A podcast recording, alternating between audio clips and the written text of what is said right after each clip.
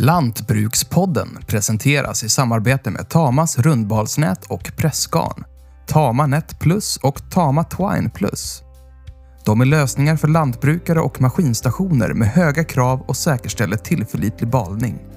Mindre stillstid, perfekta balar.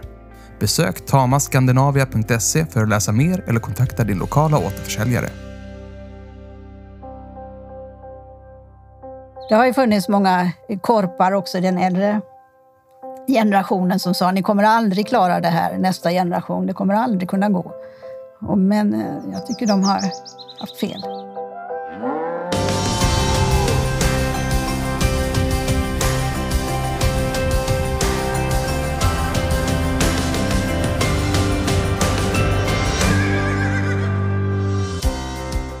Är släkten värst eller bäst? I Ramsberg i Lindesbergs kommun ägs den 500 hektar stora skogsfastigheten Björkveten av inte mindre än 36 släktingar. Tillsammans över generationerna fattar de beslut om skogsvårdsåtgärder och långsiktiga strategier. I det här avsnittet av Lantbrukspodden berättar Helena Westholm, ordförande i Björkvetens egendom, hur släktens framgångsrecept ser ut. Förutom styrdokument är det bra att svettas ihop ibland över en plantering, tipsar hon. Har du synpunkter eller förslag på ämnen och gäster till podden? Mejla oss på lantbrukspodden landlantbruk.se.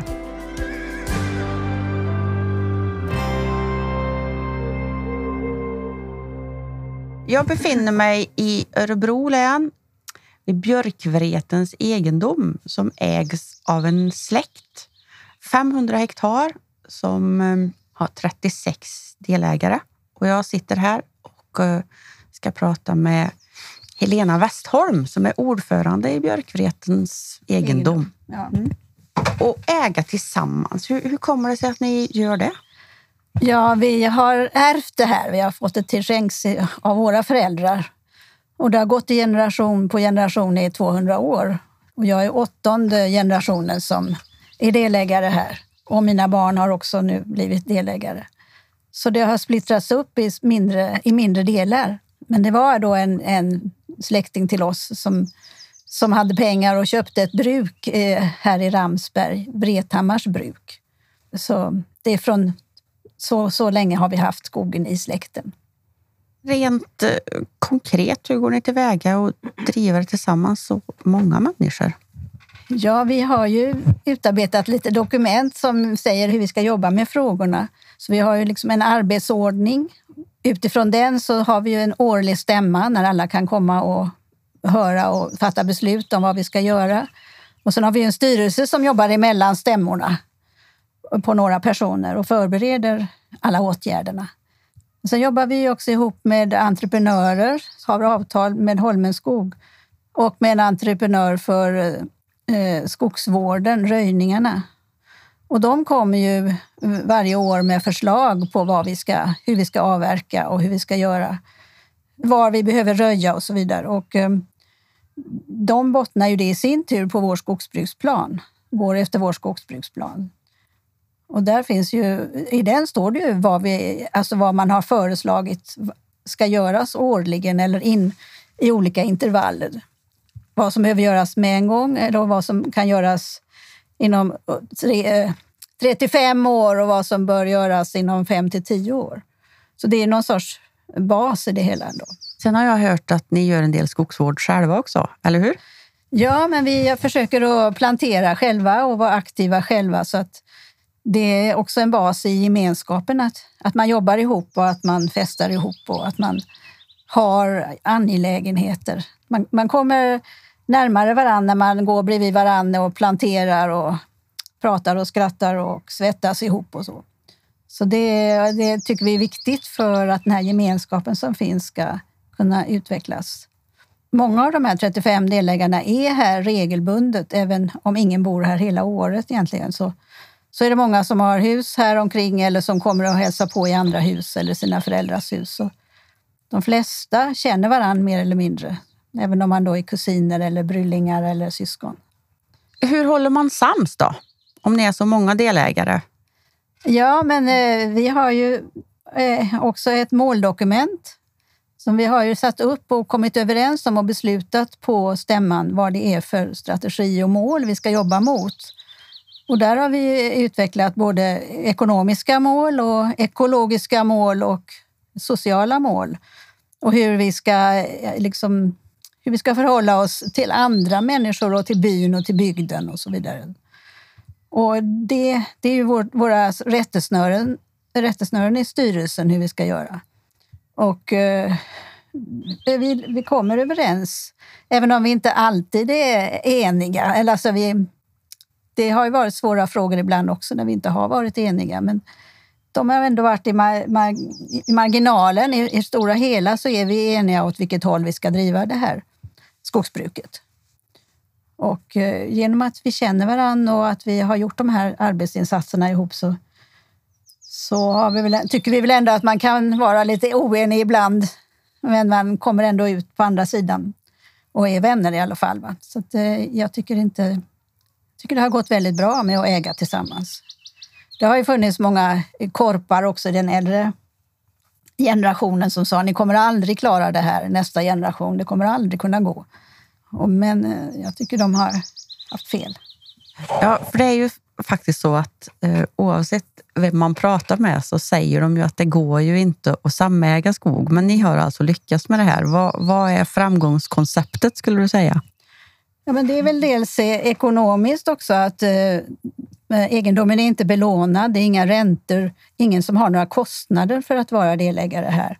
Också att eh, ingen har någon jättestor del. Det betyder inte någon det är ingen, för inte någon av delägarna är det avgörande för deras inkomster eller livssituation. Utan alla har ganska små delar som och de, de flesta skulle jag säga tycker att eh, de här gemensamma värdena och att vi, eh, att vi kan också styra i den skogen som vi vistas i är viktigare än de tusenlappar man kanske kan få i utdelning om året.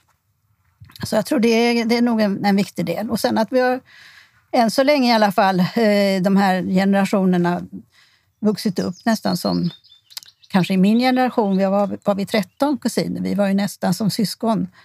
Nästa generation är, känner varandra väl, även om inte alla känner alla lika bra. Så att, eh, det är väl både att det inte betyder så mycket för någon ekonomiskt och att vi har den här gemenskapen. Och, ja. Vad skulle du säga att ni har för strategi med skogen och skogsbruket? då? Ja, vi har ju eh, vi, har ju, vi vill ju vara certifierade och vi har en ganska småskalig indelning på våra avdelningar och det vill vi behålla. Små hyggen och små, småskaligheten vill vi behålla. Vi vill öka eh, lövträdsinslaget och, mera, och blandad skog, inte gå bort ifrån det här med stora granplanteringar. Det är väldigt många, tror jag, i den här gruppen som är bekymrade över den biologiska mångfalden. Att så många insekter och fåglar dör ut. Och jag tror många vill eh, äga skog på det sättet att man kan bidra och försöka motverka den utvecklingen med våra åtgärder. Och eh, då är ju de krav som finns i certifieringen men också i vår egen strategi då, som, som handlar om de här sakerna. Och det finns ju eh, några i gruppen som är väldigt inlästa och kan väldigt mycket om det här och som kan sprida den kunskapen. Men det finns ingen som är skogsutbildad, ingen som har någon skogsmästarroll eller så, utan det är, det är ett eh, kunnande i gruppen då som, som finns. De senaste åren så har det ju varit en hel del granbarkborreangrepp runt om i Sverige. Hur har ni haft det här i Ramsberg?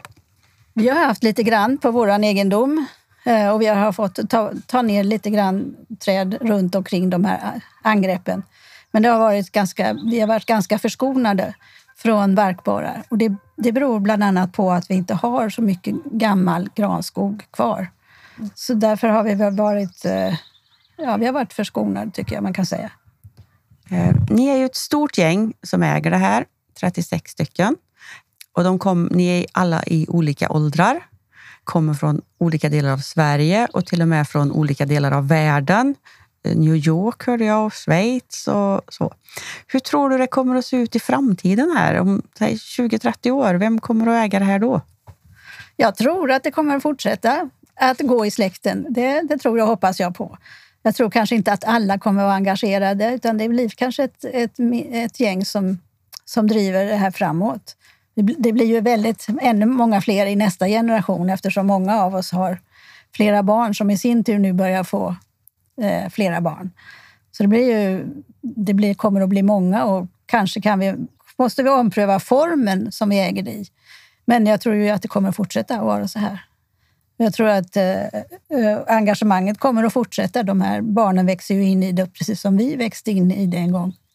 Jag tror att skogen kanske kommer bli mer omväxlande också med mer, eh, om vi nu går på vår strategi med mera lövinblandning och fler sorters träd och eh, experiment. Vi har gjort några experiment eh, med en ekplantering för att öka trädinslagen i skogen och vi har en blädning, kontinuitetsskogsbruk har vi prövat på ett ställe. Vi kanske går vidare med flera sådana saker så att ja, prövar oss fram. Jag tror att det, men jag hoppas och tror att det kommer att rulla på, så att säga. även efter min tid. Nästa och nästnästa generation. Ni har hört reporter Marie Nelsén intervjua Helena Westholm om hur det är att äga skog tillsammans med sin släkt. Sam Segerblom har klippt avsnittet och jag som har producerat heter Maria Gramer. Vill ni komma i kontakt med oss går det bra att mejla på lantbrukspodden landlantbruk.se.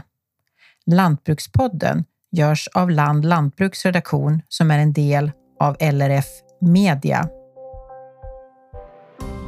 Lantbrukspodden presenteras i samarbete med Tamas rundbalsnät och pressgarn, Tama Net Plus och Tama Twine Plus. De är lösningar för lantbrukare och maskinstationer med höga krav och säkerställer tillförlitlig balning. Mindre stillstid, perfekta balar. Besök tamaskandinavia.se för att läsa mer eller kontakta din lokala återförsäljare.